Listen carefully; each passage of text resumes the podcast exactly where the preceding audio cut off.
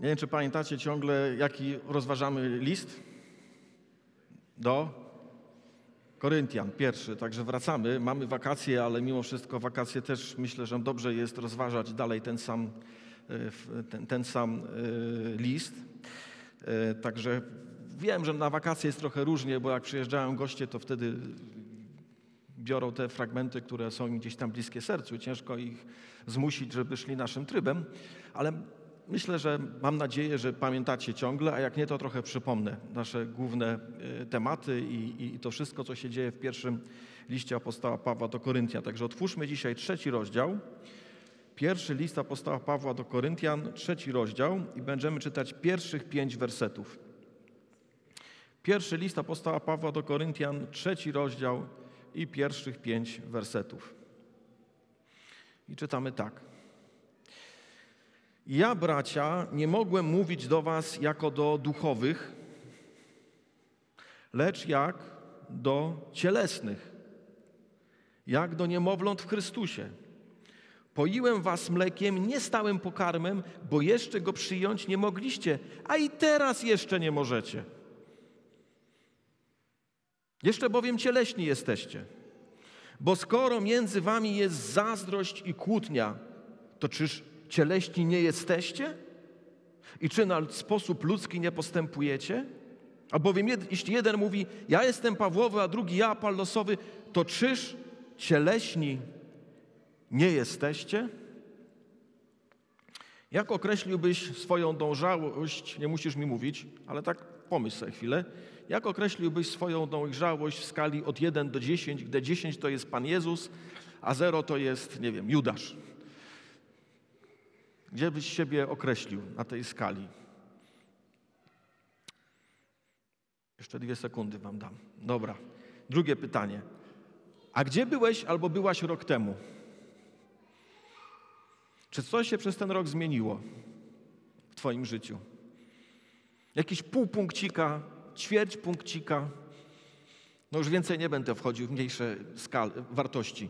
Ale czy coś się zmieniło? Czy jak spoglądasz na swój ostatni rok w swoim, swoim życiu, czy coś się zmieniło? Już teraz sam czy sama oceń, w którą stronę, czy w dół, czy do góry. Co się przez ten ostatni rok zmieniło? Może rok to za mało, może dwa lata, ale nie więcej, żebyśmy też nie rozciągali za daleko tego, tego, tego, tego, tego okresu czasu. Czy coś się zmieniło przez ten rok albo przez te dwa lata Twojego życia? Gdzie byłeś, czy byłaś rok temu? I dlaczego się zmieniło? Dlaczego się zmieniło? Czy jesteś w stanie wskazać, co się zmieniło i dlaczego? I chciałbym zwrócić uwagę dzisiaj, jak patrzymy na ten fragment, bo ten fragment o tym mówi, że nasz bezruch duchowy albo ruch w złą stronę, albo w dobrą, niosą określone konsekwencje dla naszego życia. Niosą określone konsekwencje dla naszego życia. I chciałbym, chciałbym nas przestrzec przed tym, żeby ten ruch był w złą stronę. Chciałbym Was zniechęcić do tego, żebyśmy nic nie robili i po prostu tak, wiecie, płynęli jak zdechłe ryby. Co one robią? Płyną z prądem w naszym polskim języku. Takie mamy, takie mamy powiedzenie. I czy to jest dobre, że one płyną z prądem? Czy one się rozwijają? Czy one się gdzieś kierują? No, nigdzie się nie kierują. Po prostu ich tak prąd wody popycha, nie wiadomo gdzie, czy w jakieś zakamarki, czy w jakieś śmieci. No gdziekolwiek ten prąd je popchnie, tam będą. Żaden rozwój nie jest. To jest po prostu nie robienie nic.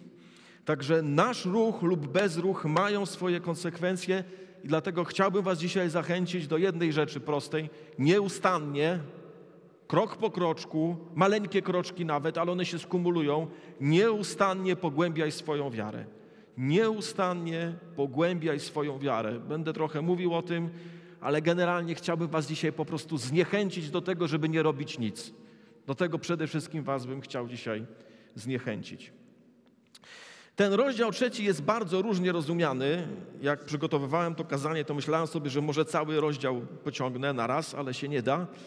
Y, jest to rozdział, który jest wykorzystywany w różny sposób kreatywny. Na przykład niektórzy widzą tutaj potwierdzenie nauki o czyśćcu, niektórzy tu widzą potwierdzenie nauki o różnych nagrodach w niebie. Yy, no i generalnie, jak Pan Bóg pozwoli, to myślę, że za tydzień powiem o tym więcej. Natomiast Y, jak patrzymy na kontekst, to słuchajcie, w kontekście cały czas apostoł Paweł mówi o tym, tym samym problemie, który, od którego rozpoczął w pierwszym rozdziale. A ten, ten problem jest powiedziany, 11-12 werset. Wiadomo mi o was, że wynikły wśród was spory. Spory jakie? Bo jeden powiada, że ja jestem Pawłowy, drugi Apollosowy, trzeci Kafasowy, a czwarty Chrystusowy. Czyli cały czas on tłumaczy, co zniechęca ich do tych sporów. Cały czas, na różne sposoby. Y, na, w początek y, w tym pierwszym rozdziale mówi o tym, 22, 24 werset, że gdy Żydzi znaków się domagają, a Grecy mądrości poszukują, my zwiastujemy Chrystusa ukrzyżowanego.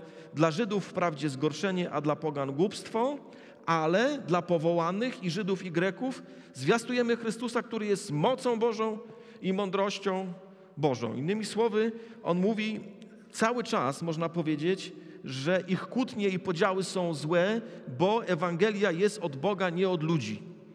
A jak Ewangelia jest od Boga, a nie od ludzi, to nie próbujmy wciskać sobie, pomimo tego, że się różnimy, bo Apollos jest Apollosem, Kefas jest Kefasem, y, Paweł jest Pawłem, ale nie próbujmy na siłę dzielić się w oparciu o to, co ludzkie, skoro łączy nas to, co Boże. Skoro łączy nas to, co Boże, to niech to, co jest Boże, będzie Boże, niech będzie ważniejsze, podstawowe, fundamentalne, a te wszystkie inne kwestie się jakoś tam poukładają. Możemy się różnić pastorem Piotrem? Możemy. Dopóki budujemy na tym samym fundamencie i błogosławimy się nawzajem i Kościół rośnie. Nic, możemy się różnić, bo są rzeczy Boże, które są podstawowe i są rzeczy ludzkie, które są, no po prostu jesteśmy tacy, jacy jesteśmy. I tyle. Nigdy nie będziemy doskonali. Zawsze się będziemy gdzieś tam, wiecie, zawsze coś będzie nie tak.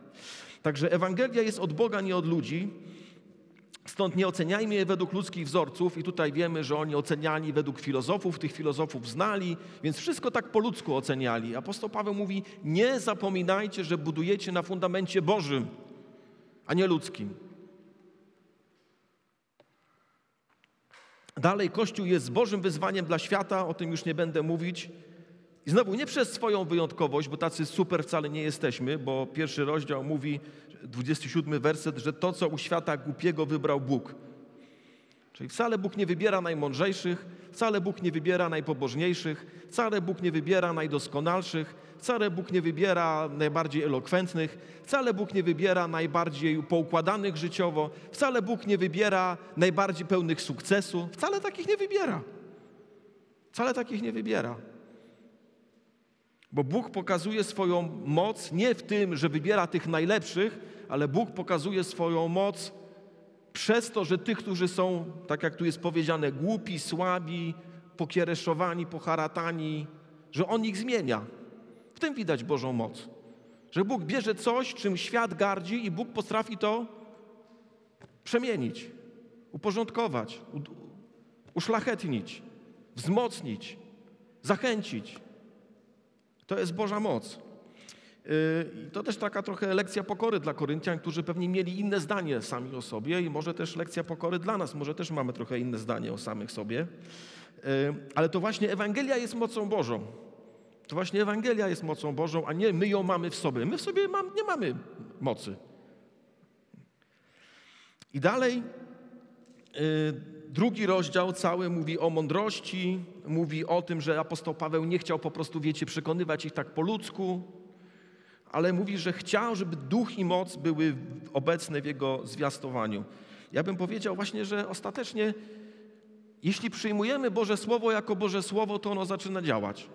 A jeśli tak zaczynamy, wiecie, wybrzydzać, trochę wybierać, trochę to, co dzisiaj Paweł mówił, no to, to co? To tak, tak trochę wybrzydzamy i wybieramy nad tym, co jest Boże. I to nas w, żaden dobre, w żadne dobre miejsce na, nas to nie, nie, nie doprowadzi. E, I dalej, ostatecznie końcówka tego drugiego rozdziału jest taka, że apostoł Paweł mówi, wiecie co jest najważniejsze w Ewangelii? Że to Duch Święty sam jest obecny w tej Ewangelii. Bo to Duch Święty zna Boga i Duch Święty znając Boga używa swojego słowa i tłumaczy sam Duch Święty nam te wszystkie Boże sprawy, więc traktujmy to poważnie, traktujmy to na serio i nie postrzegajmy wszystkiego tylko i wyłącznie na, po, na poziomie tego, co nasze oczy widzą. To, co Koryntianie, z czym Koryntianie mieli problem. I dlatego mówili ten apolosowy, ten kafasowy, ten taki, ten siaki. A mówi, postrzegajcie to, czego nie widać, czyli postrzegajcie, że Duch Święty działa w was. To umiejcie dostrzec, tego się umiejcie uchwycić, tego się trzymajcie. I na tym się w zasadzie kończy ten drugi rozdział. I chciałbym nas zachęcić, tak już patrząc na ten kontekst, do tego, żebyśmy naprawdę widzieli Boga. W naszych modlitwach, w naszych pieśniach, w naszych nabożeństwach, w kazaniu. Ja coś mówię, ale zapytaj się, no dobra, ale co Bóg mówi przez tego człowieka do mnie? Mogę się potknąć, mogę coś głupiego powiedzieć. Pewnie mówię czasami. Ale zadaj sobie pytanie, dobrze, ale co Bóg pomimo tego wszystkiego mówi do mnie? Co mam przyjąć? Jak mam się zmienić? Dostrzegaj Boga. Bo jak nie będziesz dostrzegać Boga, to się pogubisz. Tak jak, jak się Koryntianie pogubili. Dostrzegaj Boga, wierz w Boga, licz na Niego. W tym wszystkim, co się dzieje, w ten zwykły ludzki sposób, widzialnie. No bo tak widzialnie to działa. No nie mamy tu jakichś gromów z jasnego nieba, nie ma tu jakiegoś obłoku chwały. No nie ma. I generalnie rzadko kiedy było coś takiego w historii. A jednak Bóg działa, a więc dostrzegajmy Boga, przyjmujmy Boże Słowo jako Boże Słowo, będzie Ciebie zmieniać. Jak Cię będzie zmieniać, to zobaczysz to potwierdzenie, że rzeczywiście to jest Bóg. I pytanie, czy potrzebujemy lepszego potwierdzenia w naszym życiu niż to, że Bóg nas zmienia. Potrzebujemy? Myślę, że jak naprawdę wiemy, że Bóg nas zmienia, to, no, co nam więcej potrzeba? Po prostu idziemy dalej. I tyle. Dziękujemy Mu za to. I wystarczy, nic więcej nie potrzebujemy. I teraz idąc do tego trzeciego rozdziału, apostoł Paweł dalej cały czas próbuje ich przekonać. Generalnie za chwilę większość tego rozdziału, od tego szóstego wersetu, będzie apostoł Paweł mówił o tym, czym jest Kościół, że Kościół nie jest ludzkim tylko i wyłącznie jakimś konstruktem, że jest Bożą rolą, że jest Bożą świątynią, będzie o tym za chwilę mówił, ale zaczyna od takiego napomnienia. I, te słowo napomnienia dzisiaj właśnie y, rozważamy. Takie słowo otrzeźwienia trochę można powiedzieć, albo słowo nawołujące do pokory Koryntian, gdzie on mówi mniej więcej tak w skrócie, jakbym to miał podsumować, to mówi tak. Nie myślcie za dobrze o sobie Koryntianie, nie jesteście tak bardzo duchowi, jak wam się wydaje. A wprost to powiem wam, że jesteście cieleśni. A wprost, tak wam powiem, wam się wydaje, jesteście hiperduchowi, macie tyle darów, a ja wam powiem, że jesteście cieleśni. Ja wam powiem, że, jestem, że jesteście cieleśni. I to jest dla nich lekcja. Chciałbym, żebyśmy teraz przeszli pokrótce przez ten, przez ten cały fragment, a potem wyciągnęli pewne wnioski z tego. A więc zwróćcie uwagę, uwagę najpierw na ten pierwszy werset. Ja, bracia, nie mogłem mówić do was jako do duchowych, czyli są ludzie, którzy widzą pewne duchowe rzeczy, widzą pewną duchową rzeczywistość i nawet w kościele, zwróćcie uwagę, ale są, przynajmniej w zborze w Koryncie, ale myślę, że i dzisiaj może się podobnie zdarzyć, w zborze ludzie, którzy są cielesnymi. Zaraz będę się zastanawiał, co to znaczy, za moment, ale chcę, żebyśmy zwrócili uwagę. Można być duchową osobą, która postrzega rzeczy w perspektywie duchowej, i można być cielesną osobą, która ma problem z dostrzeganiem tej duchowej rzeczywistości wokół nas. I Ci ludzie cieleśni są też nazwani niemowlętami w Chrystusie i nie jest to tutaj pozytywnym jakimś opisem. Znaczy, dobrze jest, jak niemowlę jest niemowlem. Zgodzicie się?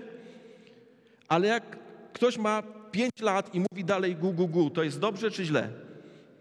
To już nas nie rozczula u pięciolatka. A u pięćdziesięciolatka, jak pięćdziesięciolatek dalej mówi gu, gu, gu, gu, gu, gu, to co się dzieje? Jesteśmy poważnie zatroskani. Nie mówię teraz o osobach chorych, to jest inny temat.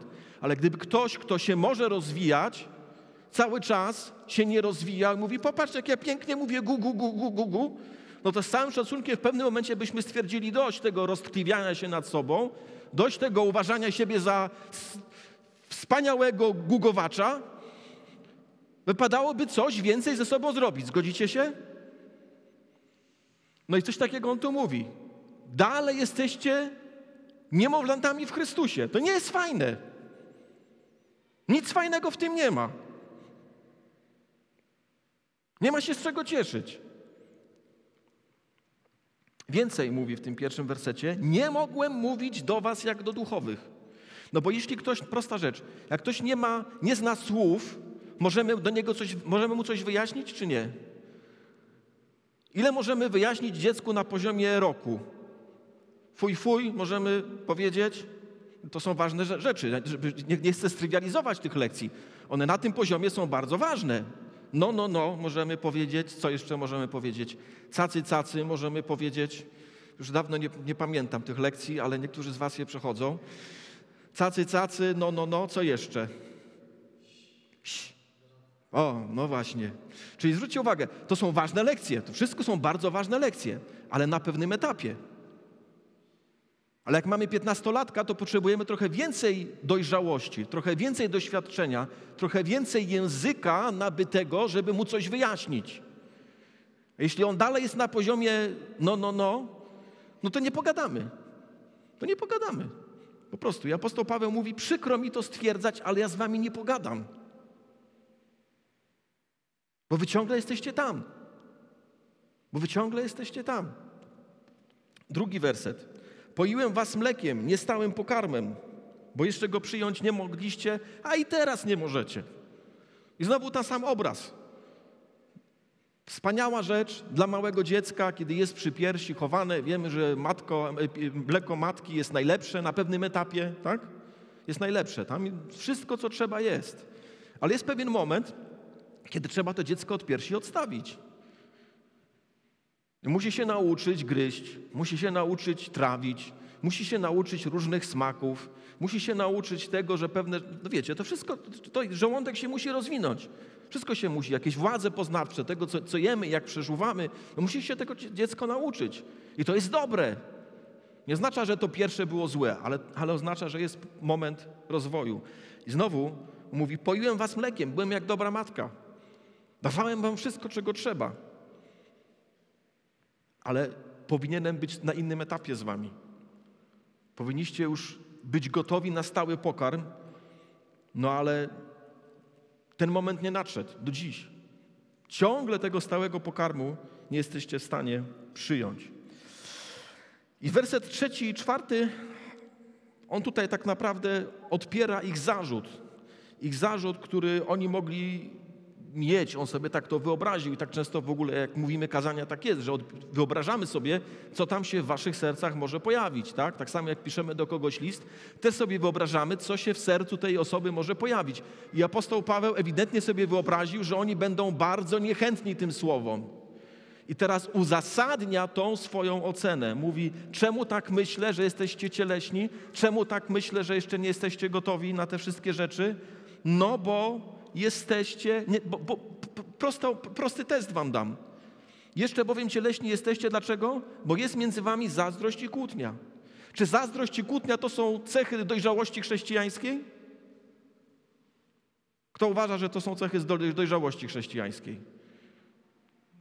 Myślę, że no wiemy, że nie, nie są. Yy, czyli popatrzcie, pierwszy test zazdrość i kłótnia są obecne, a więc są cieleśni i na sposób ludzki, czyli taki zwykły, bo bez, bez żadnej działalności Ducha Świętego postępują. Werset trzeci. I czwarty werset, jeszcze jeden argument mówi, yy, cały czas się kłócicie, cały czas nie widzicie tego, że to Bóg was łączy. Cały czas mówicie, ja jestem Pawłowy, drugi Apollosowy.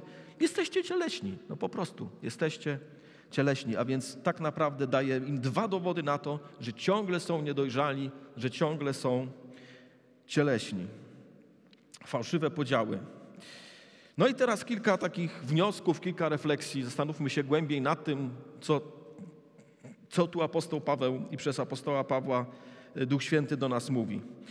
Pierwsza myśl, którą wyciągam z tego fragmentu, jest następująca.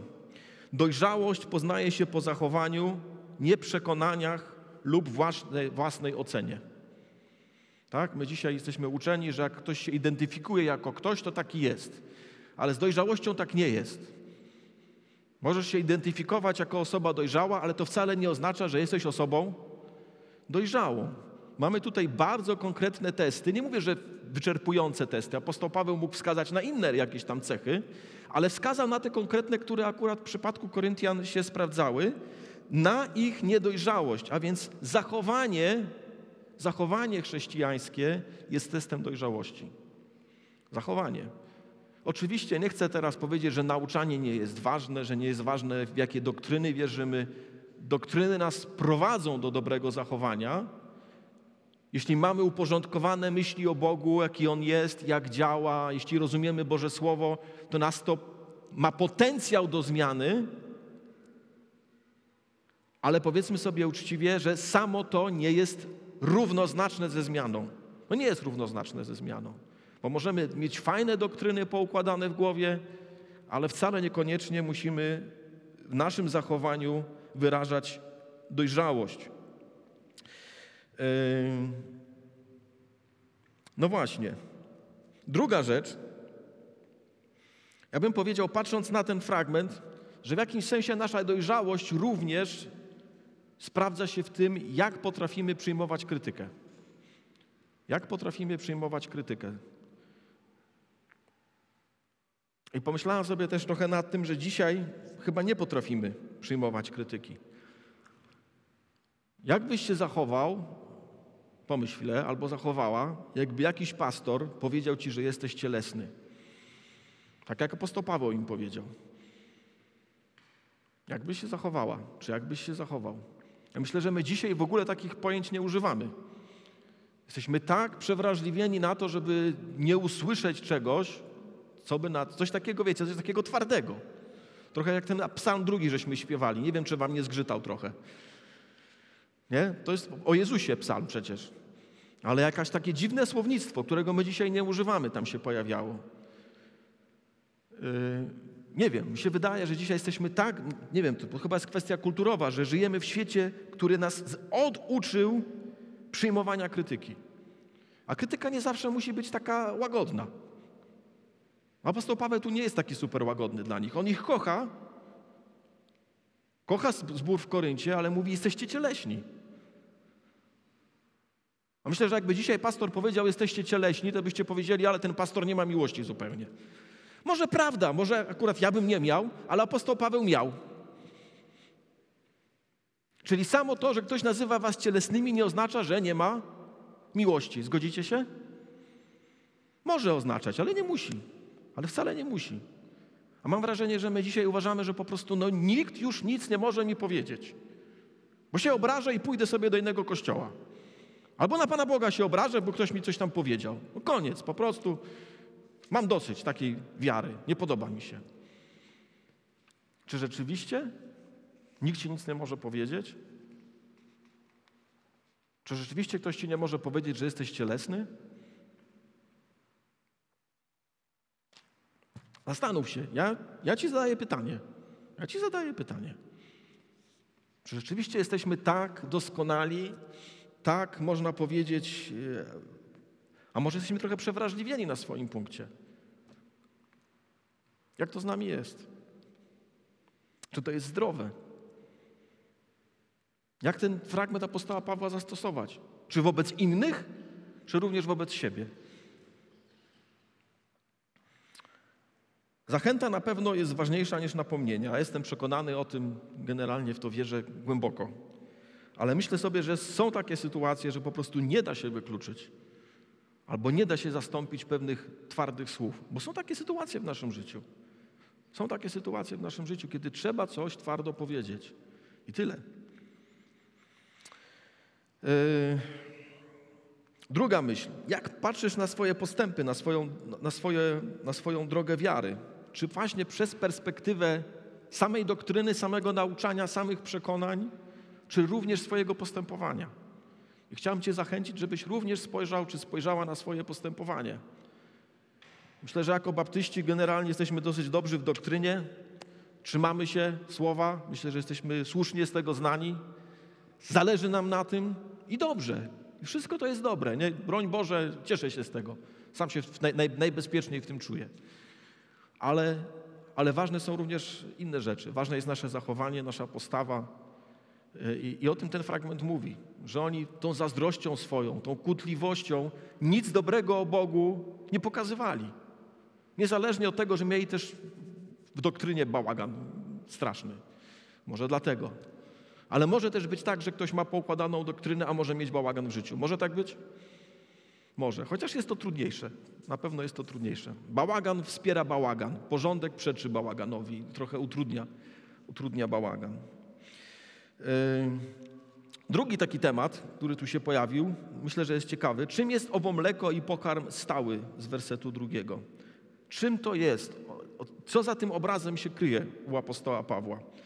Czy chodzi o jakieś różne doktryny, że na przykład Ewangelia to jest mleko, a jakaś doktryna inna to jest pokarm stały? Jak to jest? Jak to rozumieć, to, to porównanie y, apostoła Pawła? Co jest głębsze od Ewangelii? Czy jest coś głębszego od Ewangelii?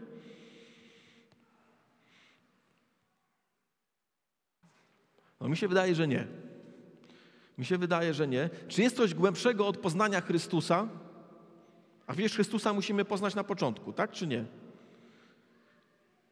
Nie można zostać chrześcijaninem bez poznania Chrystusa. Więc czy coś jest głębszego niż poznanie Chrystusa, którego musimy poznać na początku? No myślę, że nie. I skłaniam się do tego, co kiedyś Kalwin powiedział na ten temat. Chrystus jest mlekiem dla dzieci i pokarmem stałym dla dorosłych. Po prostu inaczej poznajemy Chrystusa jako dziecko, jako niemowlę, a inaczej poznajemy Chrystusa, kiedy już trochę jesteśmy duchowo bardziej dojrzali. I to nie oznacza teraz, że to są dwie, jakby dwa różne Chrystusy, to jest ten sam Chrystus, ale Chrystus poznawany trochę na innym poziomie.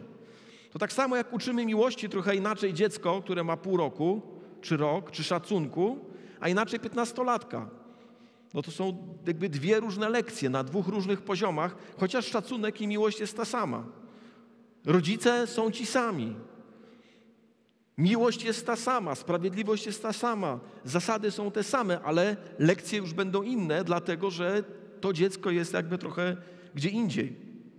Także wydaje mi się, że, no, że tak jest. Popatrzcie, jak się nawracamy, wiemy, że Jezus jest Bogiem i, i Panem, a po pięciu latach dalej to samo wiemy, ale trochę inaczej. Zgodzicie się?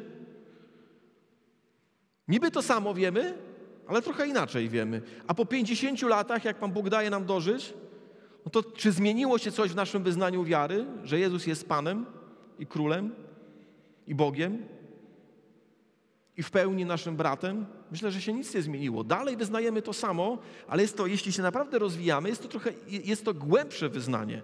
Jest to z głębokimi korzeniami wyzna, wyznanie. Na początku to jest świeże wyznanie, które po prostu ktoś, no, no widzi, no widzi, super. Ale potem coraz bardziej, coraz bardziej wrasta, wkorzenia się, coraz więcej z tego rozumie. Kiedy patrzymy na list do Hebrajczyków, w liście do Hebrajczyków jest taki fragment również o tym, w piątym rozdziale, o tym pokarmie, o mleku i o pokarmie stałym. I kiedy popatrzymy na cały list do Hebrajczyków, to cały list do Hebrajczyków jest o Chrystusie, o tym, jak Chrystus jest wielki, jak jest potężny, jak bez Chrystusa nie ma zbawienia. I autor listu do Hebrajczyków mówi: O tym mam wiele do powiedzenia, ale nie jesteście w stanie tego przyjąć. I teraz, czy oni nie wiedzieli, kim jest Chrystus? No niby wiedzieli, ale wiedzieli na bardzo powierzchownym poziomie. I dlatego tak łatwo im było Chrystusa odrzucić i powiedzieć, a my dalej sobie będziemy Hebrajczykami, ale takimi bez Chrystusa. I w tym momencie autor listu do Hebrajczyków mówi: Wy w ogóle nie rozumiecie, w ogóle nie rozumiecie, jak ważny jest Chrystus. Powinni zrozumieć coś więcej. Powinien im był w stanie móc wyjaśnić te wszystkie rzeczy i tłumaczy im w tym liście do Hebrajczyków te wszystkie rzeczy o Chrystusie. Pytanie, ile oni z tego zrozumieli? Nie wiem. My dzisiaj też nie za dużo rozumiemy z listu do Hebrajczyków, to jest jeden z trudniejszych listów. Wcale nie jest taki prosty. Trzeba dobrze znać Stary Testament, żeby list do Hebrajczyków zrozumieć. A więc, co z tego wszystkiego wynika, co, co mówię? No ja, ta, taka jedna, jedna prosta myśl. Potrzebujemy nieustannie pogłębiać swoją wiarę.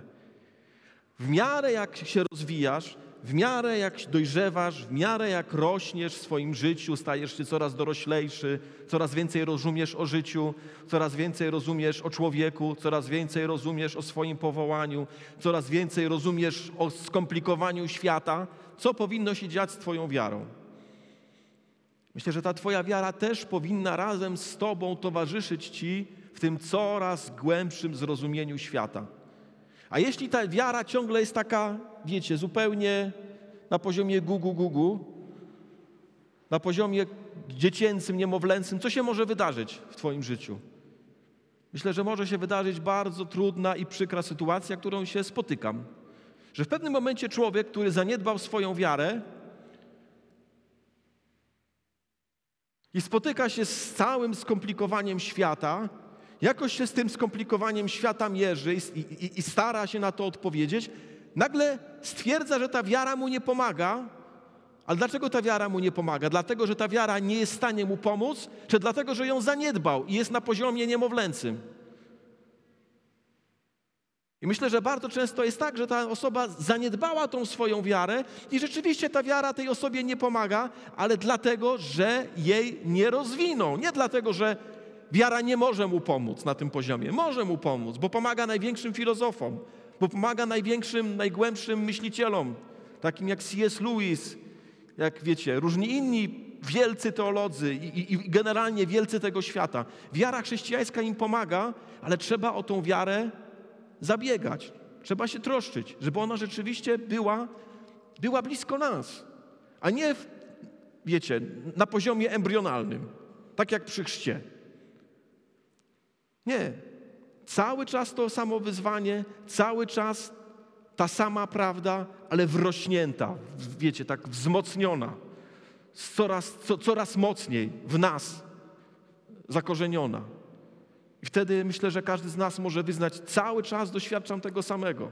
Cały czas doświadczam tego, że, że Bóg jest, Bóg jest obecny, zmienia moje życie. A ja się też zmieniam. I życie się zmienia, i powołanie się zmienia, i zadania się zmieniają. Ale, ale widzę, widzę to, że cały czas On jest przy mnie. Dlaczego? Bo mam tę władzę do pokarmu stałego wyćwiczone. A więc rozwijaj rozwijaj swoje zdolności trawienia Bożych prawd. Nie zadowalaj się tylko tym, że się nawróciłeś. Można pójść dalej, warto pójść dalej i nawet bym powiedział, niebezpiecznie jest nie pójść dalej. Niebezpiecznie jest nie pójść, nie pójść dalej. I na koniec, co to znaczy, że są cieleśni? To, od czego zaczęliśmy. Werset pierwszy, jak do cielesnych. Werset trzeci, jeszcze bowiem cieleśni jesteście albo postępujący na sposób ludzki. To greckie słowo sarkos oznacza mięśni. Bo sarkos to, to jest mięso po prostu. Czyli jesteście tacy, można powiedzieć, materialni, mięśni. Jeste, jakby jesteście tylko na poziomie tego, co, co można dotknąć, tylko na poziomie tego, co widać. Jakby nie widzicie niczego duchowego, widzicie tylko to, co widać. I na tym poziomie się poruszacie. Na tym poziomie próbujecie budować swoją wiarę. A więc postrzegający powierzchownie, widzialnie, nawet w pewnym sensie można powiedzieć zwierzęco postrzegający rzeczywistość. Taki najbardziej prymitywny, podstawowy sposób. I bym powiedział, że tak, że żeby nie być cielesnym to i, i być duchowym, to wymaga to wiary. A czym jest wiara w tym kontekście tego obrazu? myślę, że wysiłkiem połączenia Bożej perspektywy z tym, co widzimy. Wiara jest takim wysiłkiem połączenia tego, w czym jesteśmy, czego doświadczamy, z Bożą prawdą. Jest jakieś doświadczenie życia jest Boża prawda. I teraz, czy one są kompletnie rozbieżne, czy one nam się sprzęgają i widzimy to, i widzimy to połączone? Bo jeśli widzimy to połączone, to jesteśmy duchowi to nam te zasady duchowe prowadzą tą naszą cielesność, prowadzą to nasze doświadczenie życia, ale jeśli się rozprzęga, rozprzęga tak jakby rzeczywistość Bożej prawdy, Bożych zasad, Bożych wartości z tym naszym zwykłym doświadczeniem widzialnym, no to w czym się poruszamy? Poruszamy się tylko w tej, w tej cielesności, w tym, co nas spotyka i nic więcej. Niczym to nie jest wzbogacone, niczym to nie jest No nie ma Boga w, tym ostatecznie. Po prostu no, dzieją się rzeczy, a my nie wiemy czemu. Nie rozumiemy, co z nimi zrobić, jakie, jakie wnioski z nich wyciągnąć. Czy łączysz Boże prawdy z swoim doświadczeniem życia? To wcale nie jest proste. To wcale nie jest proste, bo często są takie doświadczenia w życiu, które są bardzo trudne. Często to wymaga czasu. To nie jest tak, że wiecie, pstryk, pstryk, pstryk, pstryk, pstryk, wszystko wiem. Rzadko się tak zdarza. Ale ten wysiłek jest potrzebny, żeby łączyć Boże prawdy ze swoim doświadczeniem życia. I chciałbym Cię zachęcić trochę, że dla apostoła Pawła też to nie było proste. Popatrzmy na moment do listu do Rzymian, siódmy rozdział, czternasty werset. List do Rzymian, siódmy rozdział, czternasty werset. On tutaj daje ten sam obraz. List do Rzymian, siódmy rozdział, czternasty werset. Wiemy bowiem, że zakon jest duchowy, ja zaś jestem cielesny, zaprzedany grzechowi. Czyli jakby daje ten sam, ten sam obraz, mówi, ja jestem cielesny, czyli ja, on tam dalej mówi, że widzi w sobie taką zasadę, albo taką, taki, taki przymus, takie przynaglenie, żeby jakby odrzucać tą, tą, tą duchową prawdę w swoim życiu. I mówi, że niestety często ta zasada w nim wygrywa. I powiedzmy sobie uczciwie, że w nas też często zasada wygrywa. U apostoła Pawła to wygrywało i u nas też to czasami wygrywa. 22 werset. Według człowieka wewnętrznego mam upodobanie w prawie Bożym, a w członkach swoich dostrzegam inne prawo, które walczy przeciwko prawu uznanemu przez mój rozum i bierze mnie w niewolę prawa grzechu, które jest w członkach moich. To nie jest prosta walka. To nie jest proste, żeby rozumieć, żeby jakby ten, ta perspektywa duchowa zwyciężała w naszym życiu. Ale to, że to nie jest proste, nie oznacza, że mamy tego nie praktykować. To nie oznacza, że nie mamy próbować maksymalnie, jak się tylko da, łączyć nasze zrozumienie Bożych prawd, Bożych wartości, Bożych celów z doświadczeniem naszego życia. Myślę sobie, że to jest, to jest jakby sednem tego, co, e, co się nie działo u Koryntian i co niestety też się może u nas nie dziać. Ale do czego apostoł Paweł wzywa? Nie bądźcie cieleśni, bądźcie duchowi, uczcie się Bożych zasad. Niech te Boże zasady przymieniają wasze doświadczenie życia i wasze doświadczenie y, różnych wydarzeń, które się dzieją.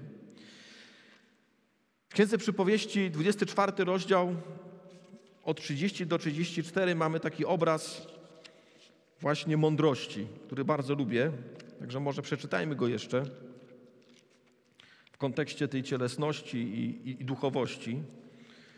Przypowieści Salomona, 24 rozdział, od 30 do 34.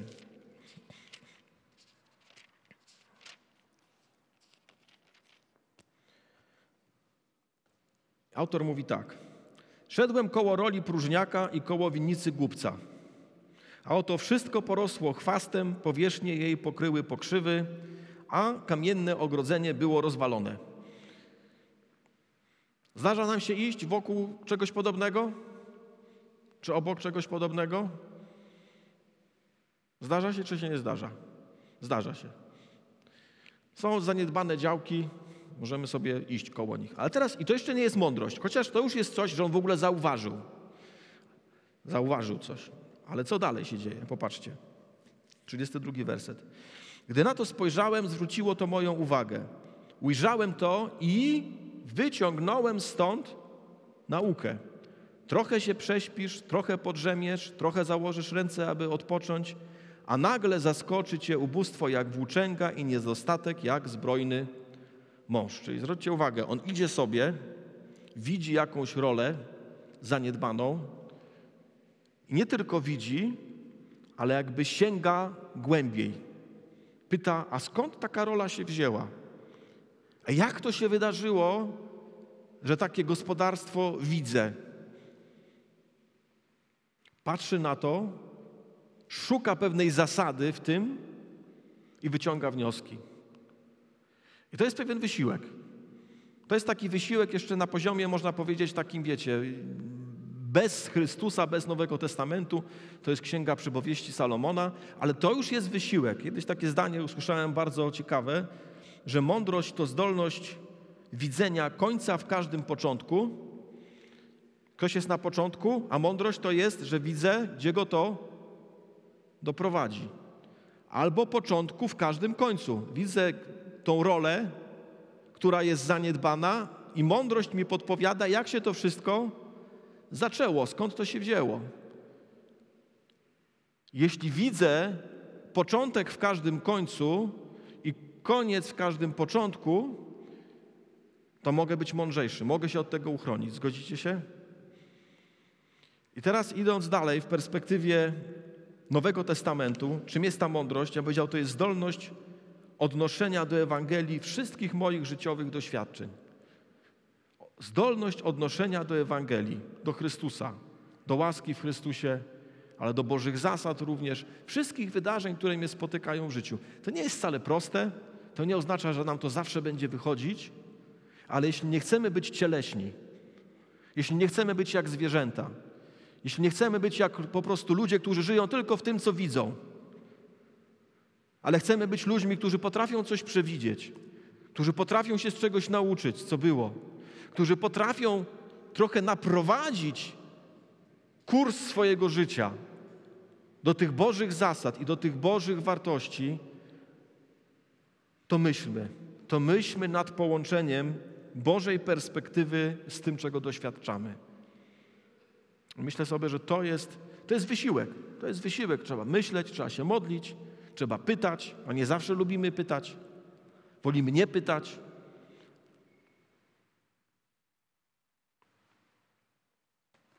Ale na tym właśnie polega dojrzałość.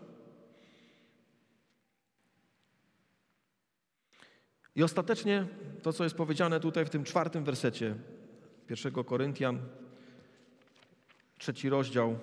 Ostatecznie widzieć tym wszystkim Boga. Nie tylko Apollosa, nie tylko Pawła.